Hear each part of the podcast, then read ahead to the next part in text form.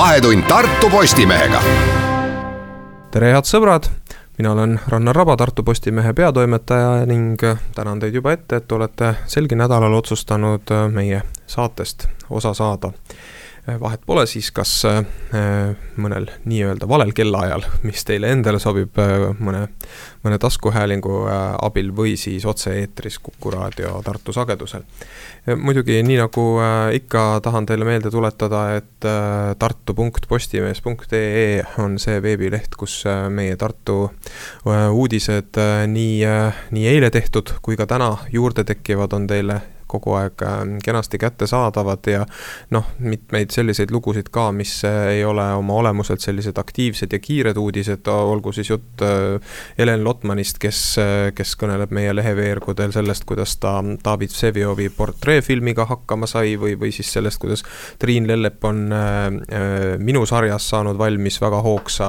kirjeldava raamatu Pariisi seiklustest,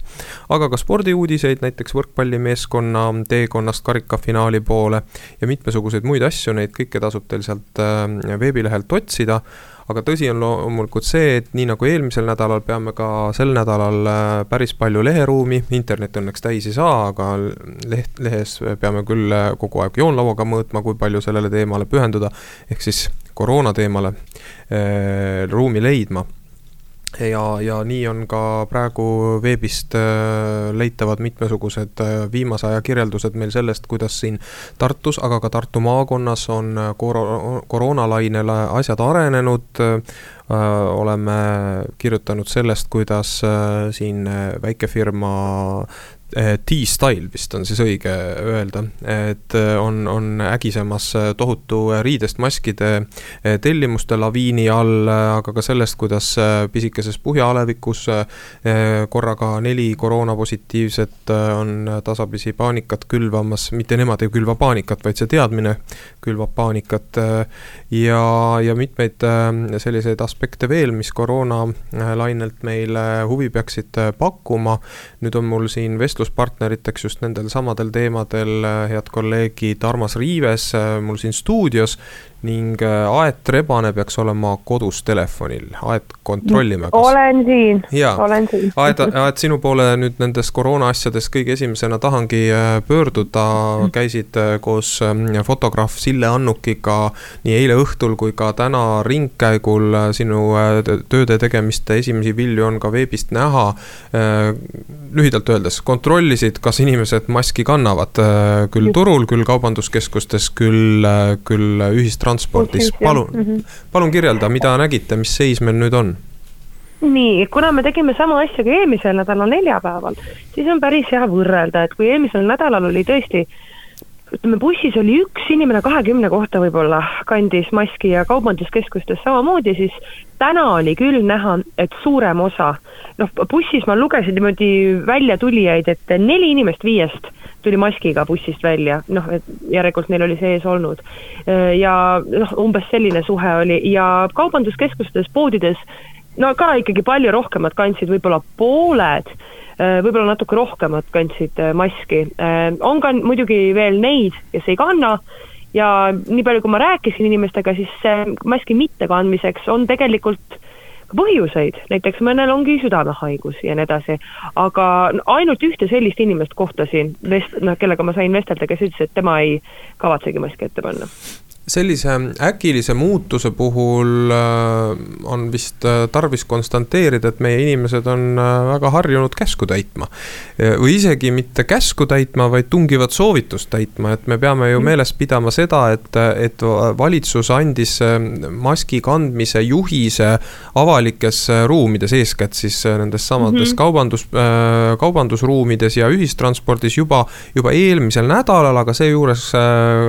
oli välja öeldud ka klausel, et see, see tungiv soovitus hakkab kehtima selle nädala esmaspäevast ja mm. -hmm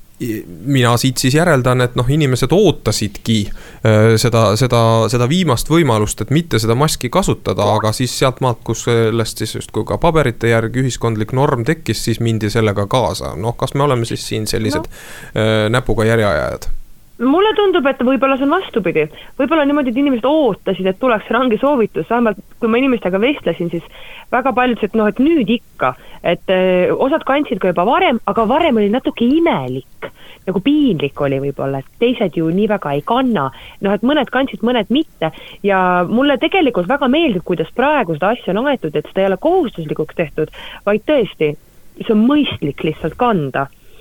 aga noh, et, et tõesti, me ei saa kõike elu jälle kinni panna ja edasi ja ma loodan, et sinna see ei lähe, aga tõesti see noh, inimestele antakse võimalus oma südametunnistuse järgi tegutseda. seda ma tahtsingi äh, nüüd järgmiseks teha, et meie omavahel siin pisikese sellise debati avada, et äh, kuidas meie enda sisetunne on ja, ja milline on meie enda käitumine olnud selles samas kontekstis, sest eks äh, vaevalt me, hoolimata sellest, et me ajakirjanikena kogu aeg sellises tihedas infotulvas oleme, väga palju teisiti oma eru, eraelus käituksime kui, kui, kui inimesed meie ümber. ja mina olen, Aet, sinuga nagu väga nõus et mm -hmm. ega mina ka varem äh, kaupluses maski ette ei pannud, äh, pühapäeval tegin seda esimest korda. ja, ja, ja, ja tunne oli kogu aeg täpselt seesama, mida sa kirjeldasid. et kui mm -hmm. varem, kui seal pühapäeval ma veel kuulsin enda ümber mõnda seltskonda, kes läksid minust suhteliselt lähedalt mööda, siis keegi nagu justkui silmanurgast mind vaadates küsis oma kaaslased, aa, kus su mask on.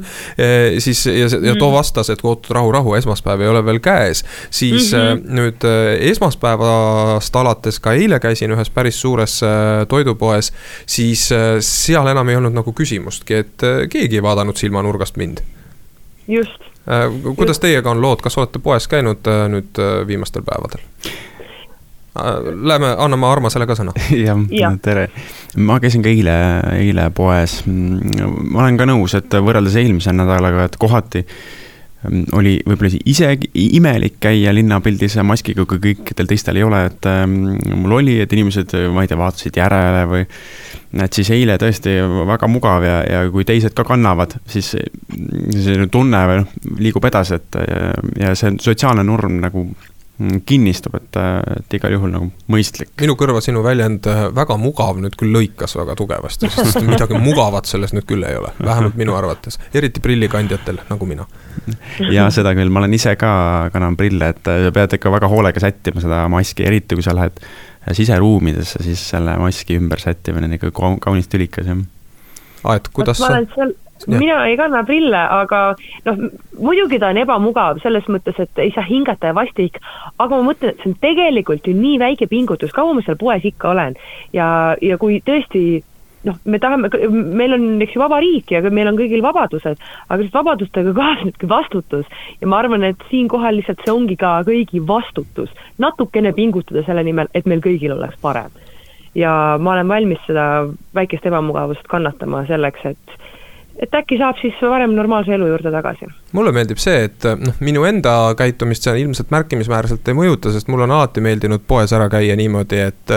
et ma torman uksest sisse, korjan korvi need asjad, mida ma juba enne, enne teadsin sealt äh, tahtvat või enam-vähem teadsin ja kaua ei juurde seal lettide juures. siis ma usun, et äh, nüüd uudne, uudne selline ühiskondlik äh, norm või käitumisreegel minu naist ka muudab ikkagi, et poest saab palju kiiremini käidud no mina julgustan ikkagi tellige toitu, mina näiteks tellin ja ei käigi väga suurtes poodides, et äh, natukese transpordiraha juurde maksta ka ei ole, et aga aega jääb kõvasti kokku. ka minu pere tegi selle liigutuse äsja ära, et me tellisime enda maa, enda kodu juurde siis äh, sellise postikapi, kuhu on võimalik hakata e-poest oh. toitu tellima. see veel ei toimi, nii et ma ei, ei oska seda ei kiita ega laita, aga selliseid lahendusi on erinevates Eesti piirkondades pakutud küll ja suuremad kaubandusketid on juba päris pikka aega harjutanud seda, seda kullerteenusega toidu koju toomist. mul puuduvad andmed praegu rääkimaks, kuivõrd hästi nad sellele koormusele vastu peavad ja milline on nende siis teenuse kvaliteet, aga ma julgeksin arvata küll, et, et, et vähemalt mõnda aega inimesed ei tahagi nii väga ise tingimata seal poes käia aga hmm. teeme siin väikese pausi, kuulame ära mõne reklaami ja siis jätkame koroona juttu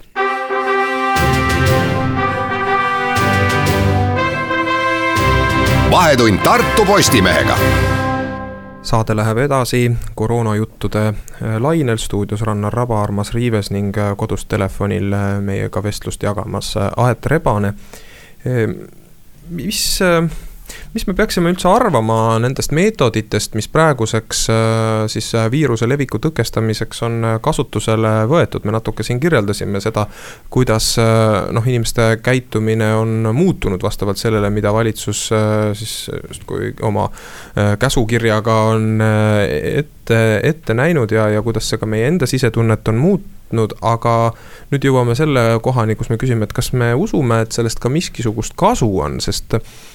me räägime ju siin peamiselt ikkagi sellest, et inimesed on jah, suhteliselt tublid maski kandma kaupluses ja ühistranspordis, aga nimetage mulle palun üks kord äh, alates kevadest, kus me teame selget koroona mm, puhangu tekkimist seoses poes käimise või bussiga sõitmisega näiteks? Ma võin, võin öelda, noh, bussiga sõites või poes käimisega me võib-olla ei tea neid, aga äh, samal ajal iga päev on ju väga palju äh, positiivseid teste, kes äh, ütlevad, et nad ei tea, kus nad selle viiruse said. ehk siis noh, me küll ametlikult ei tea, näiteks bussis keegi nakatunud on, aga me ei saa ka väita, et seda ei ole olnud jah, minu arvates Terviseamet on ka nüüd viimastel päevadel rõhutanud või vähemalt täna, et enam ei ole tegemist ju kolletega, vaid nüüd on ikkagi epidemioloogiline nakatumine, et enam ei jälitata või ei saada kätte kõiki neid äh, allikaid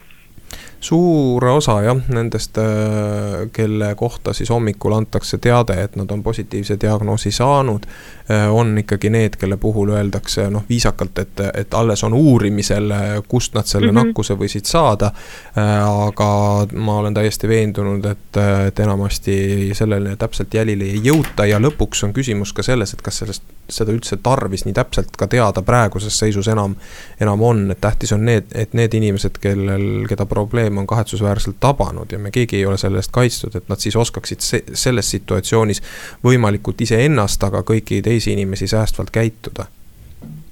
just jah, ma ise sattusin ka ühe oma tuttavaga, kes on nakatunud ja ta ütleb ka, et ta tõesti pole aimugi, kust ta selle sai. ja kui ise mõtlema hakata, et, et kui peaks ise kuidagi positiivseks äh, sattuma, et noh, ka ei oskagi öelda, kust sa selle said, et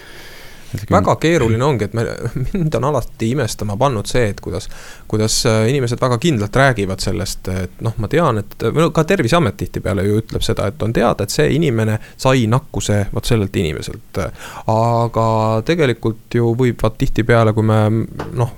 laseme siin natukene mõttel lennata, asjad käia ka tihtipeale tas-, äh, vastupidi, et. et kui koroonaviirusel on äh, päris pikk peiteaeg, siis äh, võib ju tihti olla ka niimoodi, et, et nakataja saab enda haigusest teada hiljem, kui mõni inimene, kes tema lähikonnas on temalt nakkuse saanud, et niipidised variandid on ka võimalikud ja noh, miks ma seda siin räägin sellepärast, et, et, et lõppude lõpuks sellise täpse järjekorra tagaajamine võib-olla ongi mõttetu ja noh, üldse kogu aeg kõneleda ja otsida, otsida neid ohukohti ühiskonnas sellise eh, peenhäälestajaliku täpsusega, et ega see vist ei olegi enam väga tark tegevus, et eh, ennekõike tuleb eh, keskenduda selliste üldiste normide järgimisele. tõsi, samas on kevadega võrreldes ju äh, mingis mõttes on rahustav see teadmine, et kohe võetakse lähikontaktsetega ühendust ja saavad testile, sest et äh, mäletamist mööda kevadel mingi hetk tekkis see vaakum, et kuna teste polnud piisavalt palju, siis lähikontaktsed ei pääsenud kohe testile ja see tekitas sellist müra ja nagu pahameele tormi ühiskonnas rohkem kui praegu on. et nüüd on inimesed läinud seda teed, et nad on hakanud keelduma koroonatestidest, kui kevadel ei noh, ei jõutud kõiki soovijaid ära testida, et äh, asjad on muutunud. No peab ju arvestama sellega, et, et see viiruse levik on puudutanud üha laiemat spektrit inimestest mida suuremaks muutub äh, hulk, äh, kelle jaoks ei ole lihtsalt äh, üks selline noh, meie tänapäeva elu äh, osa, millest kuuldakse uudistest, äh, vaid, äh, vaid mis mõjutavad vahetult tema otsus, otsest elutegevust. mitte ma ei mõtle elutegevust siis füüsilises mõttes, vaid selleks, kuidas oma asjadega toime tulla. ja, ja kui on näha, et, et, et see haigus muudab olukordi väga ebamugavaks, siis loomulikult on meie seas ka neid, kes kipuvad vastu tõrkuma. ükskõik milliseid noh, norme siis tuleb jälgida mm. -hmm. jah, seda annab statistikaga ka natuke täiendada, ma just vaatasin Terviseameti kodulehelt, et praegu on sada kakskümmend üheksa aktiivset haigusjuhtu Tartumaal. et kui võrreldes kevadel oli aktiivseid nelikümmend viis kõige rohkem ühel ajal, ja et me oleme kindlasti äh, täiesti uudses situatsioonis, ka võrreldes kevade ning augustikuise puhanguga mm. -hmm. ja see, et täna tuli juurde Tartu maakonda kakskümmend viis uut positiivset diagnoosi, on ka väga märkis, märkimisväärne number. mis ennekõike tähistab meile seda, et me oleme selgelt ikkagi äh, sellesse kriisi veel sisenemas ja peame arvestama võimalusega, et need meetmed ja need äh, need tegevused, mille üle me siin praegu äh, igatepidi tarkade inimestena aru peame, tegelikult võivad osutuda lõpptulemusena ainult väga-väga noh, esimeseks äh, selliseks äh, noh, piskuks, mis, millega me kokku peame puutuma. tõsi, sest et äh, noh, mina ise arvan, et äh, võib-olla nädala lõpus tulevad veel suuremad numbrid, sest et ma just kahtlustan, et nädalavahetused on need,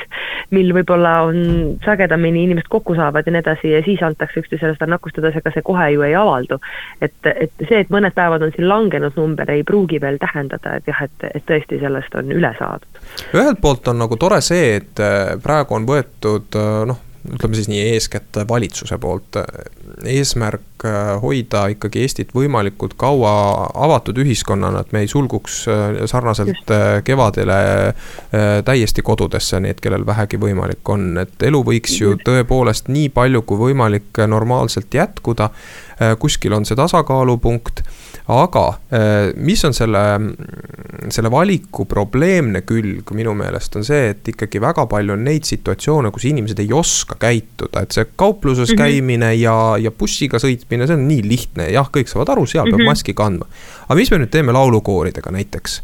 Mm -hmm. et ega keegi ei ole andnud ju juhist, et, et ärge käige enam laulukooris laulmas ja see ei ole tegelikult ka niisama äh, lustimine äh,. ütleme siis sellise huvitegevusega äh, on väga paljud inimesed seotud või ka sporditreeningud, rühmatreeningud, et äh, ühelt poolt seda justkui keelatud ei ole, teiselt poolt manitsetakse, et käituge mõistlikult. ja nüüd on mm -hmm. jäänud inimesele see oma tarkus, kuidas hakkama saada väga hea, mulle meeldib see, kui indiviidi vastutus on äh, suur, aga sealt alates, kus selles, ma ei tea, laulukooris või rühmatreeningul see koroona levima läheb. siis on see inimene ju mhm. järsku süüdi, et ta sellele võimaluse andi, andis, et, et selliseid ebaaluse kohti on küll väga palju siin jah, nagu sa ütlesid, indiviidi vastutus, ühest küljest olen ka poolt, et inimene peab ikka ise ka vastutama, mitte vaatama ja ootama kogu aeg juhiseid, eks ju. aga teisest küljest siin ongi see, et kes iganes nii-öelda väärkohtleb uusi piiranguid või, või käitub vastutustundetult, ei pane ainult iseennast ohtu. ja see on see probleemi koht, et, et me kõik võime ju, nagu enne sai ka vabadustest ja vastutustest, vastutusest rääkida, et et ma ei tea, et kas see on nüüd see koht, kus peab siis ikkagi igaks juhuks üle reguleerima, sest et piisab mõnest piisab mõnest, kes suhtub väga vastutustundetult. ja, ja jah, nagu sa ütlesid, ongi keeruline, et, et ei ole konkreetseid juhiseid laulukooride, trennide ja kõige kohta ja siis ongi, et see, kuidas inimese enda ohutunne on, aga noh, see, see ei ole väga, see ei ole kõigil sarnane mm. -hmm. arutleme selle üle pärast äh, pooltunni uudiseid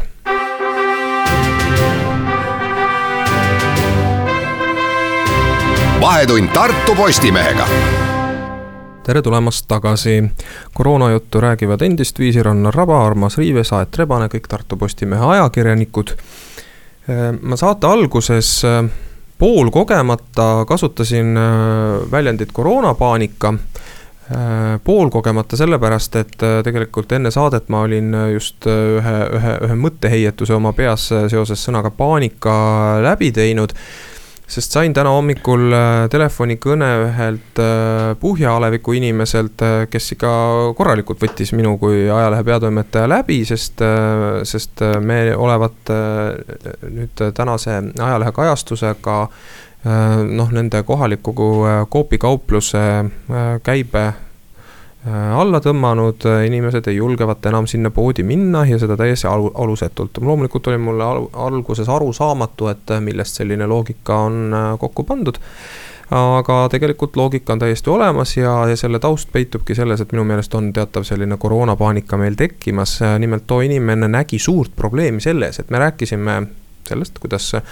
Puhjas on testitud, siis tähendab neljal testitud inimesel koroona tuvastatud. ja muuhulgas selle loo juures oli siis kohaliku kaupluse foto ja märge juures, et, et näiteks kauplustes käies võiks kand-, peaks siis kandma maski vastavalt sellele, mida valitsus on soovitanud ja sellest juba piisas, et tolle naise äh, väitel äh, inimesed väldivad äh, nüüd kohalikku kauplust, sest ajaleht on viinud kokku sõna koroona ja pood. noh, see näitab sellist, ma ei taha seda inimest mitte kuidagi süüdistada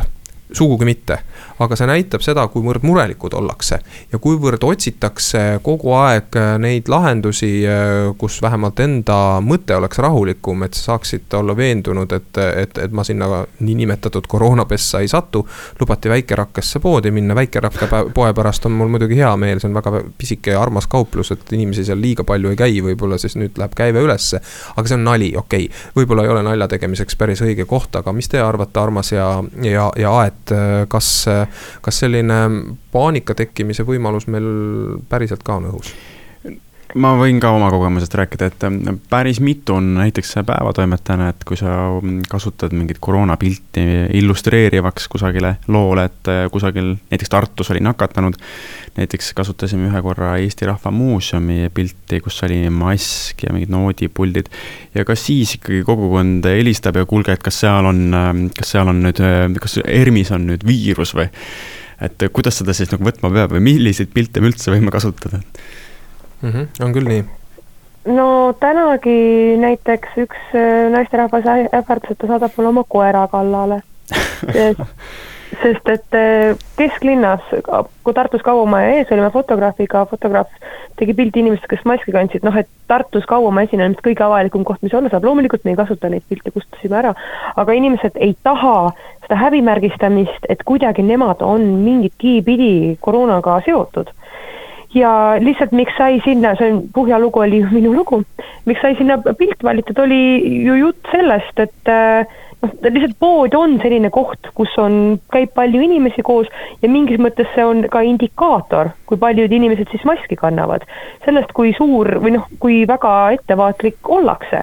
ja noh, võib-olla see ongi minu loogika, aga kohalik inimene äh, arvab kohe, et sinna on silt äkki külge pandud jah, et sellega noh, jah, see, see on õhuke jää mm. -hmm. üks näide veel äh, sellest, kuidas inimeste äh, tundlikkus on, äh, on nagu viimase vindini timmitud praegu äh, jällegi ajakirjandusliku kajastuse ja pildivaliku asjus. mõni aeg tagasi, meil on lihtsalt arhiivis üks, üks foto või, või isegi fotode sari sellest, kuidas üks koroona või tähendab, mitte koroona, kaitsemask tilpneb kusagil põõsa otsas. noh, keegi oli siis kas ka kasutanud või olid poisikesed sellega nalja teinud, mis iganes põhjusel see oli kusagil tänavapildis põõsa otsas nähtaval olnud, meie fotograaf oli selle jäädvustanud. ja noh, sellise sümbolfotona ta teatud kontekstis sobib kasutada ja mina sain siis äh, taaskord ühe äh, väga pahase pöördumise, sedapuhku küll emailitsi, kus siis inimene äh, manitses meid vastutustundlikule käitumisele, et selliseid fotosid, kus, kus üks reostatud mask tilpneb põõsa otsas, ei tohiks inimestele näidata, sest see annab halba eeskuju, sest nad hakkavadki oma koroonat täis köhitud maske igale poole suvalistesse kohtadesse kas siis riputama või viskama, et noh, tegelikult sellisel ähm, noh,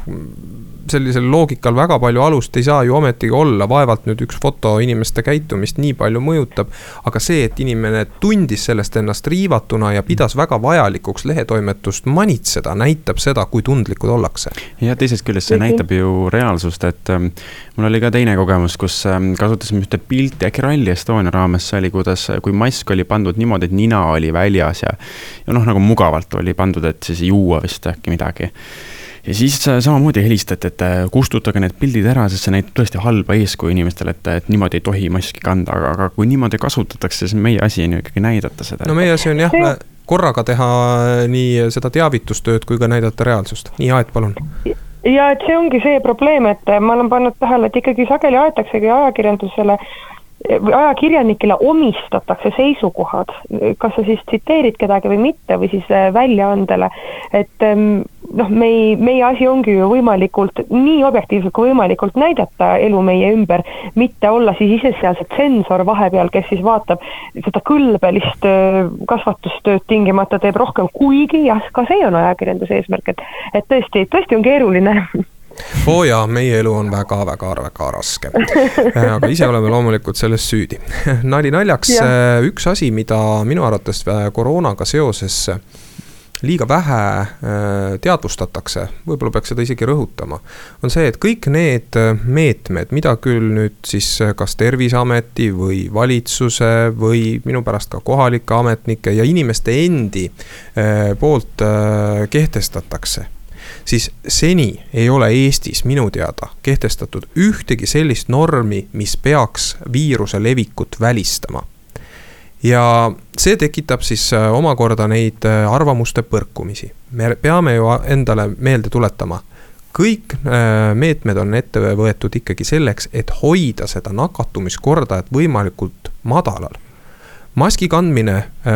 bussis või poes võib aidata meid teatud situatsioonis, kuid see ei taga meile täielikku turvatunnet, või tähendab turvatundest me võime siin rääkida omaette või ei taga meile täielikku turvalisust. ja selleks ta ei ole ka mõeldud, et, et ka, ka, ka võimalikud ähm, noh, sellised hajutamised erinevates keskkondades on ikkagi mõeldud selleks, et jah, nii palju kui võimalik oleks neid nakkuskohti äh, vähemaks äh, lõigatud, aga kõike välistada ei saa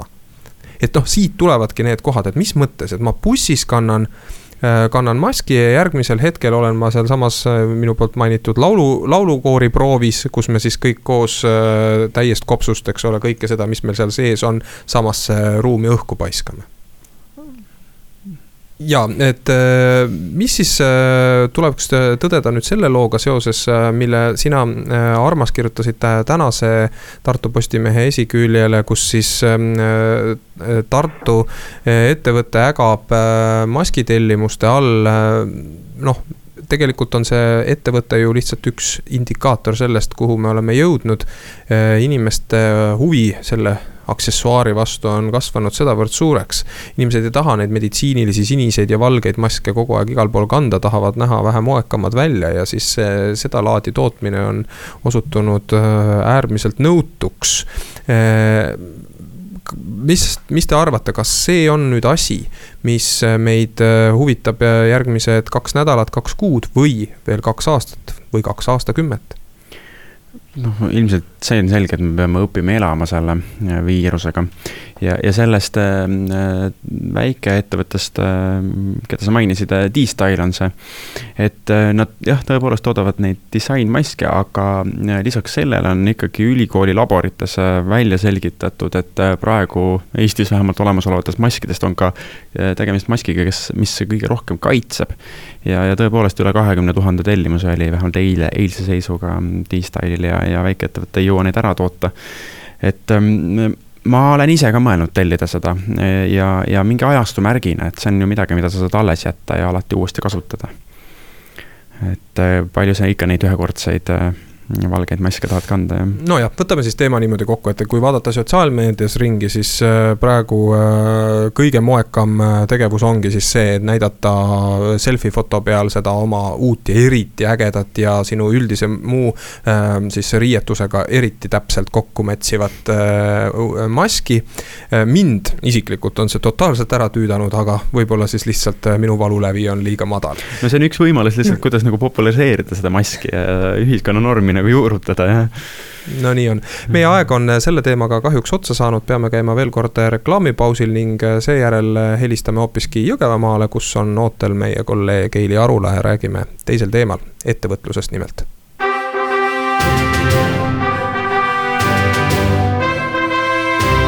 Vahetund Tartu Postimehega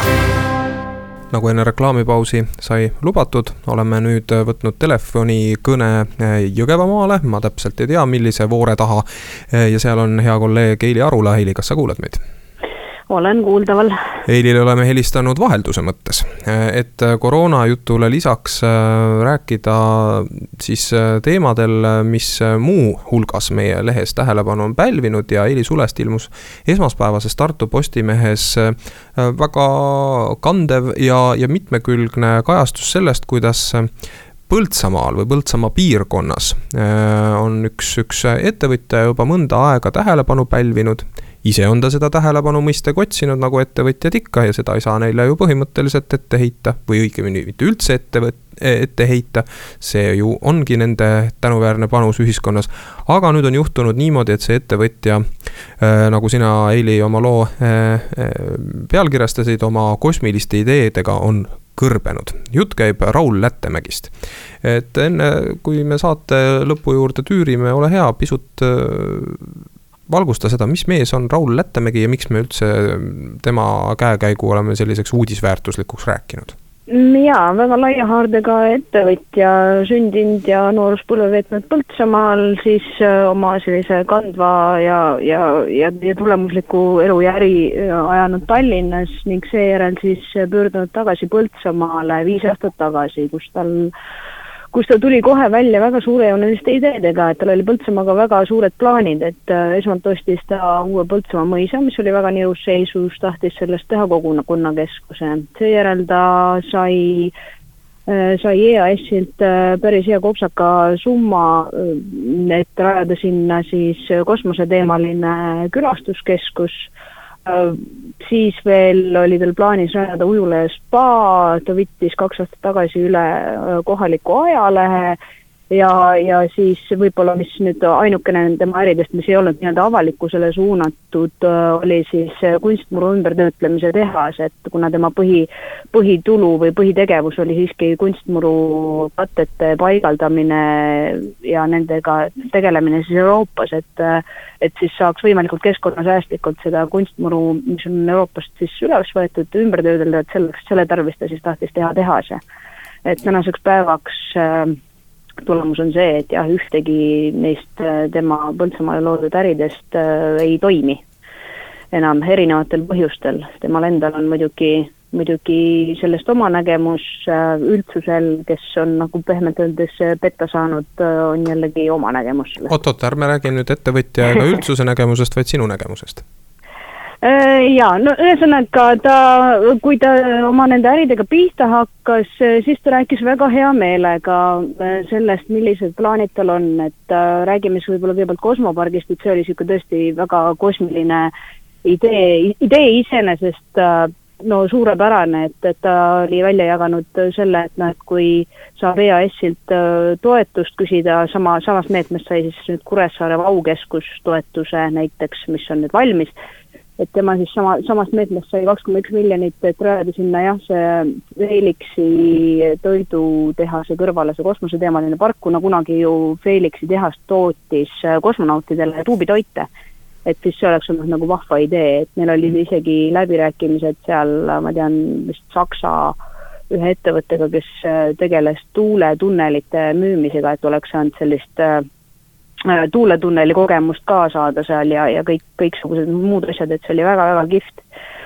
et äh, pärast seda, kui need asjad venima jäid, et siis ta enam nii suhtlusaldis äh, ajakirjandusega ei olnud, noh, ka ilmselt arusaadavatel põhjustel, eks muidugi ta andis ka iga aasta, mis jälle edasi tiksus, andis lootust, et äh, et jah, investoritega läbirääkimised käivad, äh, kõik, äh, kõik on veel jõus, kuni siis äh, selle kosmopargiga selle kevadeni, mil EAS ütles, et nii, et igasugune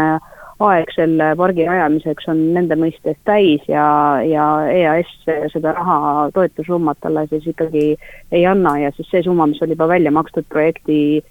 projekteerimise jaoks oli, mis viiskümmend viis tuhat eurot, et see tuleb nüüd ka ettevõtjal tagasi maksta. on sul andmeid, on ta selle tagasi maksnud?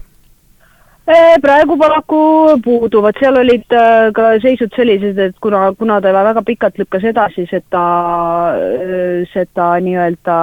taotlust raha saamiseks ja ütles, et läbirääkimised käivad pidevalt, siis noh, eks EAS andis seal ajapikendust ja ja ilmselt on andnud ka ajapikendust selle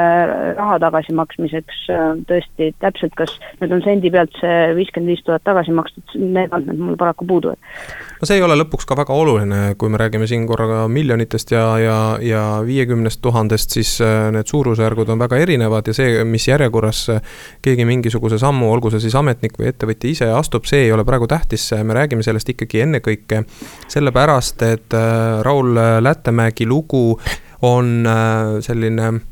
mm, väga täpne ja kindlasti teistesse Eesti piirkondadesse ka, ka te, noh, ütleme siis kujundlikult teisaldatav äh, näide sellest, kuidas üks, üks väikene piirkond, üks väike linnake ja selle ümbrus võib väga suuresti johtuda oma tulevikuplaanidest ühest ettevõtjast. Ja kui see, kui need siis ähm, luhta lähevad, siis äh, ollakse sellise küsimuse ees, et aga mis siis, mis siis üldse, et mida meil siin üldse pakkuda on või, või millised võiksid olla need meie põhilised arenguväljavaated. seepärast tahan küsida su käest, sa tunned Põltsamaad ja Põltsamaa olusid äh, hästi. Äh, mis siis praegune seis sealkandis üldse on, et kas, noh, jätame selle koroonakriisi ja selle järelmõjud praegu eraldi kuna nad on noh, täiesti arusaamatu muutuja veel. Eh, jätame selle kõrvale, et, et, et kuivõrd eh, siis tegemist on sellise piirkonnaga, millel eh, ilma selliste kosmiliste ideedeta väga head perspektiivi ei paistagi või siiski no.? no ühesõnaga, kui, kui nüüd võtta jah sellest vaatest, et, et tegemist on eraettevõtjaga ja noh, kas ta seal midagi teeb või ei tee, et, et see on tõesti eraettevõtja nagu enda asi, aga ja pigem on häda nagu selles, et äh, ka need ettevõtmised olid just ennekõike kohalikele suunatud, jätame tõesti selle kosmopargi ja selle kunstmuru kõrvale, et tooksin siinkohal sisse ujula ja spa, mida ta hakkas rajama kahasse, kahasse sisuliselt vallavalitsusega et kuna vallal oli niikuinii plaan öö, ujulat sinna rajada, et sest, et lastel on tarvis saada ujumise algõpet, et see, see ei olnud enam pelgalt sellise ühe ettevõtja erabusiness, et äh, sellest sõltus, noh, sõltub, sõltus, sõltuksid väga paljud äh, valla elanikud. et see nüüd jooksis äh, liiva, see paar aastat asjaajamist oli noh, täiesti asjata ja vald peab hakkama nüüd sisuliselt nullist seda projekti ise vedama, et, et noh, kas, kas öö, omavalitsus on olnud seejuures heausklik või mitte, et noh, eks äh, kõik tahaksid ju loota inimesest parimat ja kui, kui ta tõesti nii suurte ideedega kohale tuli, noh, või ostes äh, seal maad, hooneid, noh, kinnisvara ja, ja ta paar aastat ka ju aktiivselt tegutses seal kohapeal ja näitas seda missioonitunnet üles, siis noh, ei oleks, ei olnud põhjust ei minul ega ka kohalikel ega kohalikul omavalitsusel tema sõnades ja soovides ja, ja mõtetes kahelda. Noh, aga, aga see on niisugune natukene tagantjärele tarkusena võib öelda rubriik, et ähm, noh, tahtsime parimat, aga välja kukkus nagu alati, et, et Raul Lättemägi ise mulle kommentaariks ütles ka, et, et äh, et noh, väga erinevad põhjused olid, miks, miks need asjad äh, nüüd välja ei tulnud, et küll oli küll oli mure selles, et KredEx tõmbas äh, projektile vee peale, küll põrgatas ta palli omakorda valla väravasse, öeldes, et vald ei olnud ise ka selle ujula projektiga piisavalt palju vaeva näinud ja ja sinna ta läks, et noh, ühesõnaga ei, ega vald ja toimetab edasi ja, ja, ja ei, ma ei kahtle selles, et see ujula millalgi sinna ka tuleb, aga lihtsalt, et see raisat-, raisatud ajast on kahju, et, et mõned, mõned toetus, toetusmeetmed on kindlasti mööda läinud selle ajaga, mida vald oleks saanud äh, taotleda siis uh, ujula äh, rajamiseks ja, ja kõige, kõige muu jaoks, ajalehest rääkimata nii on, äh, kindlasti hoiame Põltsamaa kandi ja muidugi ka muu Jõgevamaa äh, arengutel siit äh, Tartust oma silma peal. aitäh, Heili, et ühinesid, ole seal Jõgevamaal endiselt terve ja meie toimetusele kasulik. ja meie tuleme selle saatega eetrisse loodetavasti taas nädala pärast, seniks kuulmiseni